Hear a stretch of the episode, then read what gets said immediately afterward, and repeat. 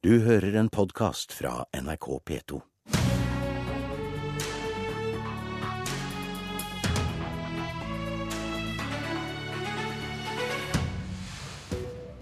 Vi skal ut på landet, helt frivillig. Og der finner vi en Frp-seier, hvis vi skal tro Sylvi Listhaug.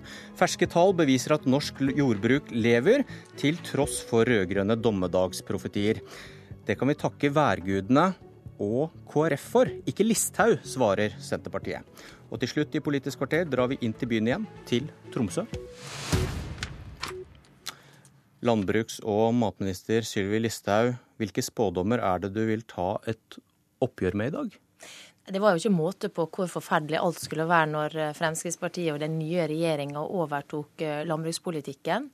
Eh, det som viser seg så langt, er jo at pilene som peker nedover i løpet av åtte års rød-grønt styre, nå begynner å peke oppover.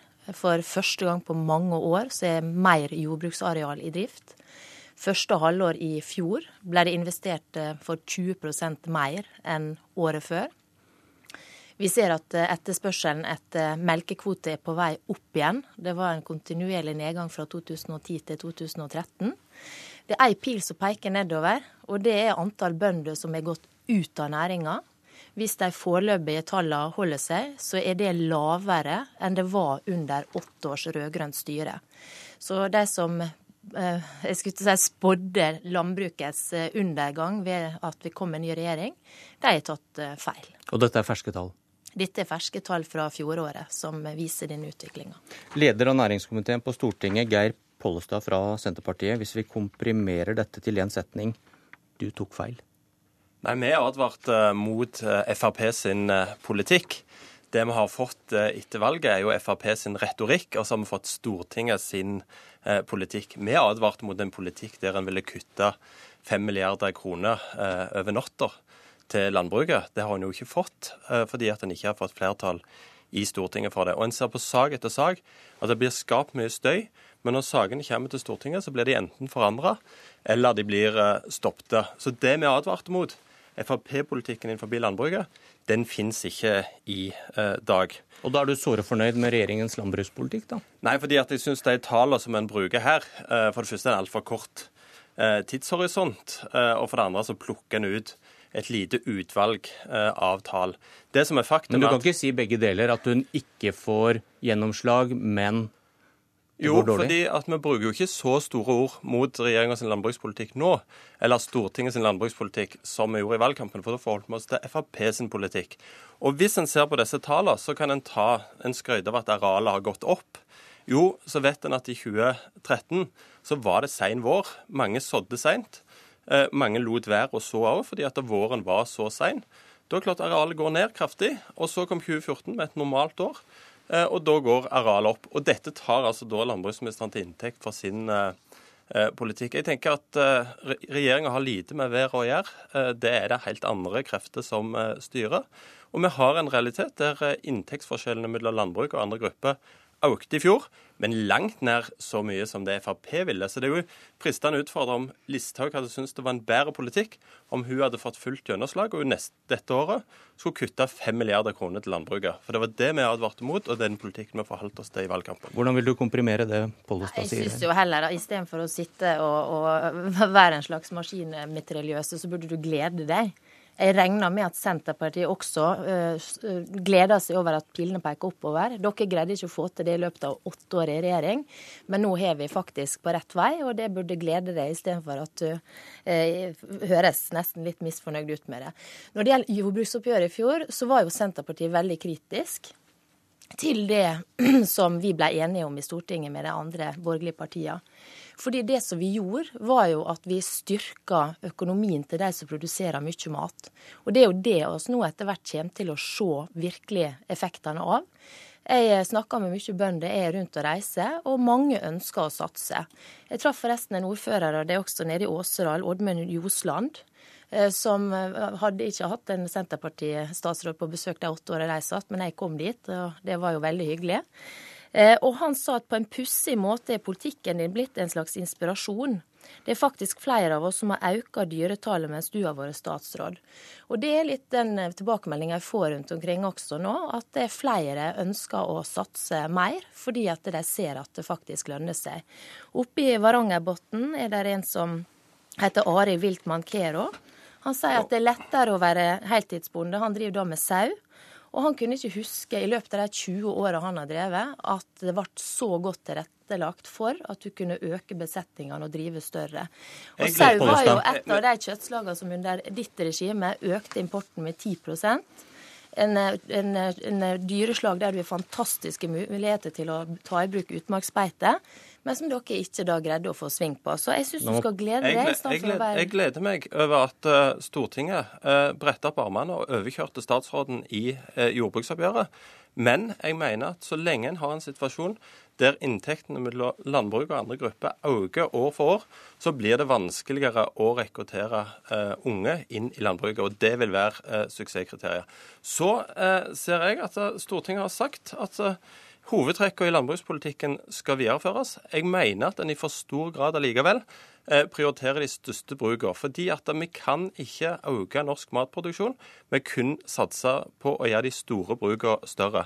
Vi må ha en politikk der vi også hyller deltidsbonden, der vi hyller distriktsbonden, eh, der vi hyller det langsiktige perspektivet i eh, landbrukspolitikken. Og det viktigste grep, eller To viktigste grep vi kan gjøre da, det er en vilje til å øke inntektene i landbruket, sånn at inntektsforskjellene til andre grupper blir mindre. Og det er en vilje til å stå opp for et tollvern i eh, Norge. Og Der òg har jo regjeringa blitt pressa av Stortinget til å godta en politikk som de ikke ønsker. Så vi har eh, FrPs retorikk, og vi har Stortingets politikk. Kort i det, Listhaug. Ja, det er godt mulig dere hyller deltidsbonden i åtte år, men faktum er at flere er gått ut av næringa i de åtte åra enn det som gjør det første året når vi sitter og styrer.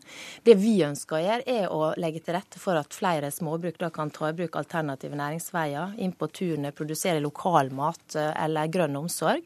Og Det skal vi legge fram en egen stortingsmelding om. For det er altså sånn, eh, Geir Pollestad, det er ikke størrelsen det kommer an på innenfor landbruket, om du greier å leve av gårdens ressurser. Og så er det mange eksempler på små bruk rundt omkring i distriktene som greier å få mange arbeidsplasser ut av det. Men da må, man også tenke alternativt. Det blir spennende å se de langsiktige konsekvensene av politikken som føres. Men jeg mener at det må satses eh, mer på hele landbruket.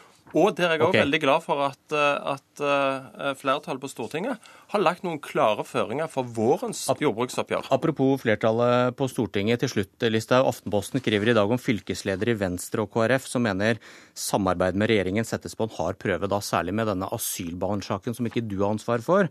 Eh, to vil også bryte hele samarbeidet. Men noen har også nevnt landbruksoppgjøret som en av sakene som har skadet dette samarbeidet. og hva tror du en slik stemning der ute vil bety for din mulighet til å få igjennom mer Frp-politikk i Stortinget? Nei, Vi har fått til gode løsninger sammen, de fire partiene før. Det skal vi gjøre igjen. Jeg er glad for at vi fikk til de viktigste grepene som regjeringa var opptatt av i jordbruksoppgjøret.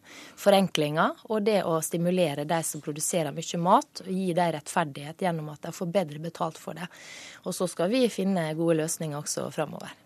Så skal Stortinget ta ansvar for å sørge for at vi får en politikk som gjør at vi kan øke matproduksjonen i hele landet. Og det, det håper jeg vi okay. mer enn gjerne gjør, selv om vi må overkjøre statsråden nok en gang. Det er vi i gang med. Men nå syns jeg du skal glede deg. istedenfor å være så... Det virker nesten får... som du er litt sånn sur fordi at det går bra. Det må ikke du være. Og hvis, og, vi, og hvis du syns at disse to var uenige, vi skal til Tromsø Høyre.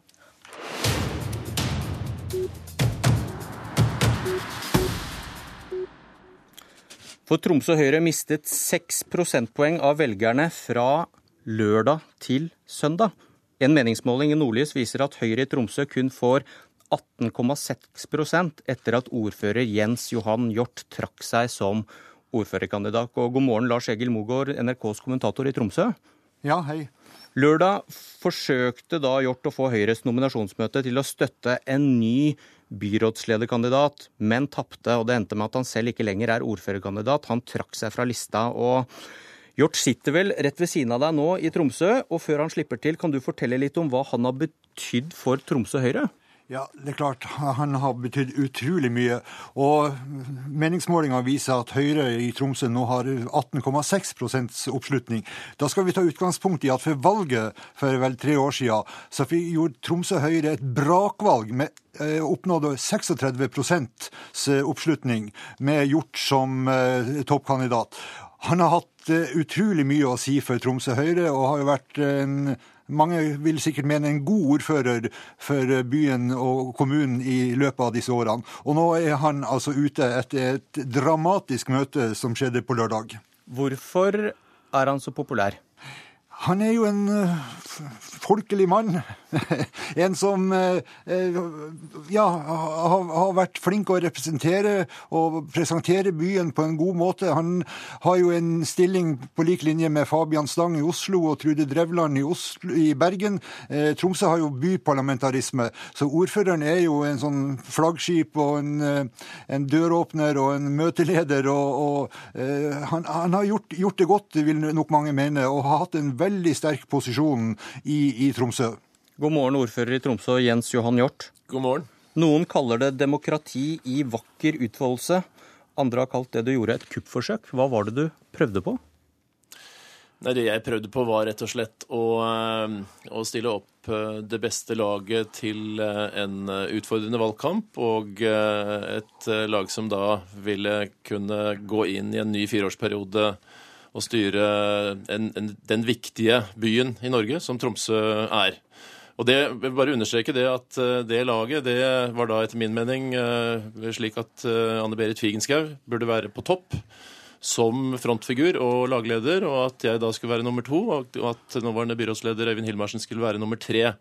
Alle de tre er i, i min kabal viktige brikker, men i den rekkefølgen. Hvorfor ville du vrake han? Nei, Jeg ønsket å sette opp et uh, toppet lag. Og uh, Anne Berit har kvalifikasjoner som uh, jeg mener at verken jeg eller Øyvind Hilmarsen har. I, I, samme monn. Hun er Så det har ikke noe med uenighet mellom dere to å gjøre at dere ikke går så godt sammen som noen, da, noen observatører hevder å vite?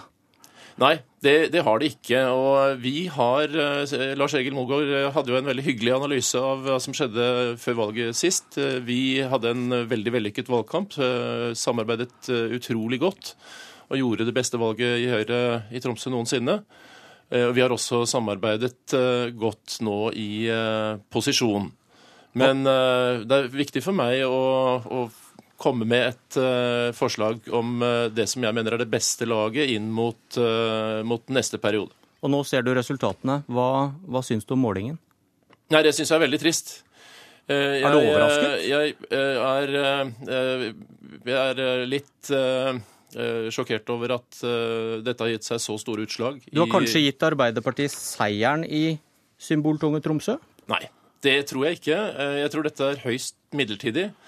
Og um, Det som uh, er godt å se, er at nominasjonskomiteen har gjort et utmerket arbeid i forhold til uh, Tromsø Høyres liste. Det er uh, veldig mange dyktige personer som står på den listen. Jeg er overbevist om at de med Øyvind i spissen som byrådslederkandidat vil gjøre det godt. Og jeg skal fortsette å være ordfører inntil jeg overleverer en forhåpentligvis du, god stafettpinne. Det, dette skjønner jeg ikke. Du sier at du måtte gjøre det du gjorde på fredag og lørdag, og prøve å kaste om på lista fordi eh, du måtte stille med det beste laget for å ha sjanse for å vinne valget. Og så sitter du nå og sier at den lista som ble resultatet, uten deg og din kandidat, den kan vinne valget.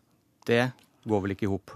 Jo, det går i hop. Altså, det, det, som er uh, min tanke, er at uh, vi, vi skylder både partiet og byen, kommunen, å stille med det aller beste laget.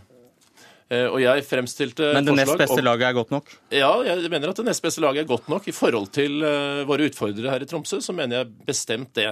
Og jeg vil gjøre mitt for at, uh, at nå det laget som, som, stilles opp, med en ny ordførerkandidat, som man helt sikkert kan finne en veldig dyktig kandidat, at, at, de skal vinne valget. Jeg skal forholde meg lojalt til det. Jeg er Høyre-medlem. Jeg ønsker Tromsø Høyre og ikke minst Tromsø kommune det aller beste frem mot valget, og ikke minst i neste fireårsperiode. Jeg så noen kalte deg egoist etter det du gjorde. Ja, det ser jeg, og det syns jeg er litt trist. Eh, fordi eh, jeg har eh, Tromsø Høyre i, i tankene. Jeg, jeg, jeg, har jo da selv fra første posisjon foreslått meg ned på andre posisjon, så, så jeg klarer ikke helt å se det.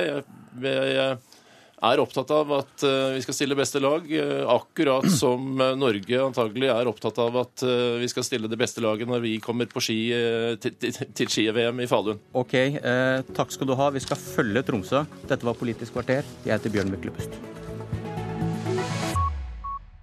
Du har hørt en podkast fra NRK P2.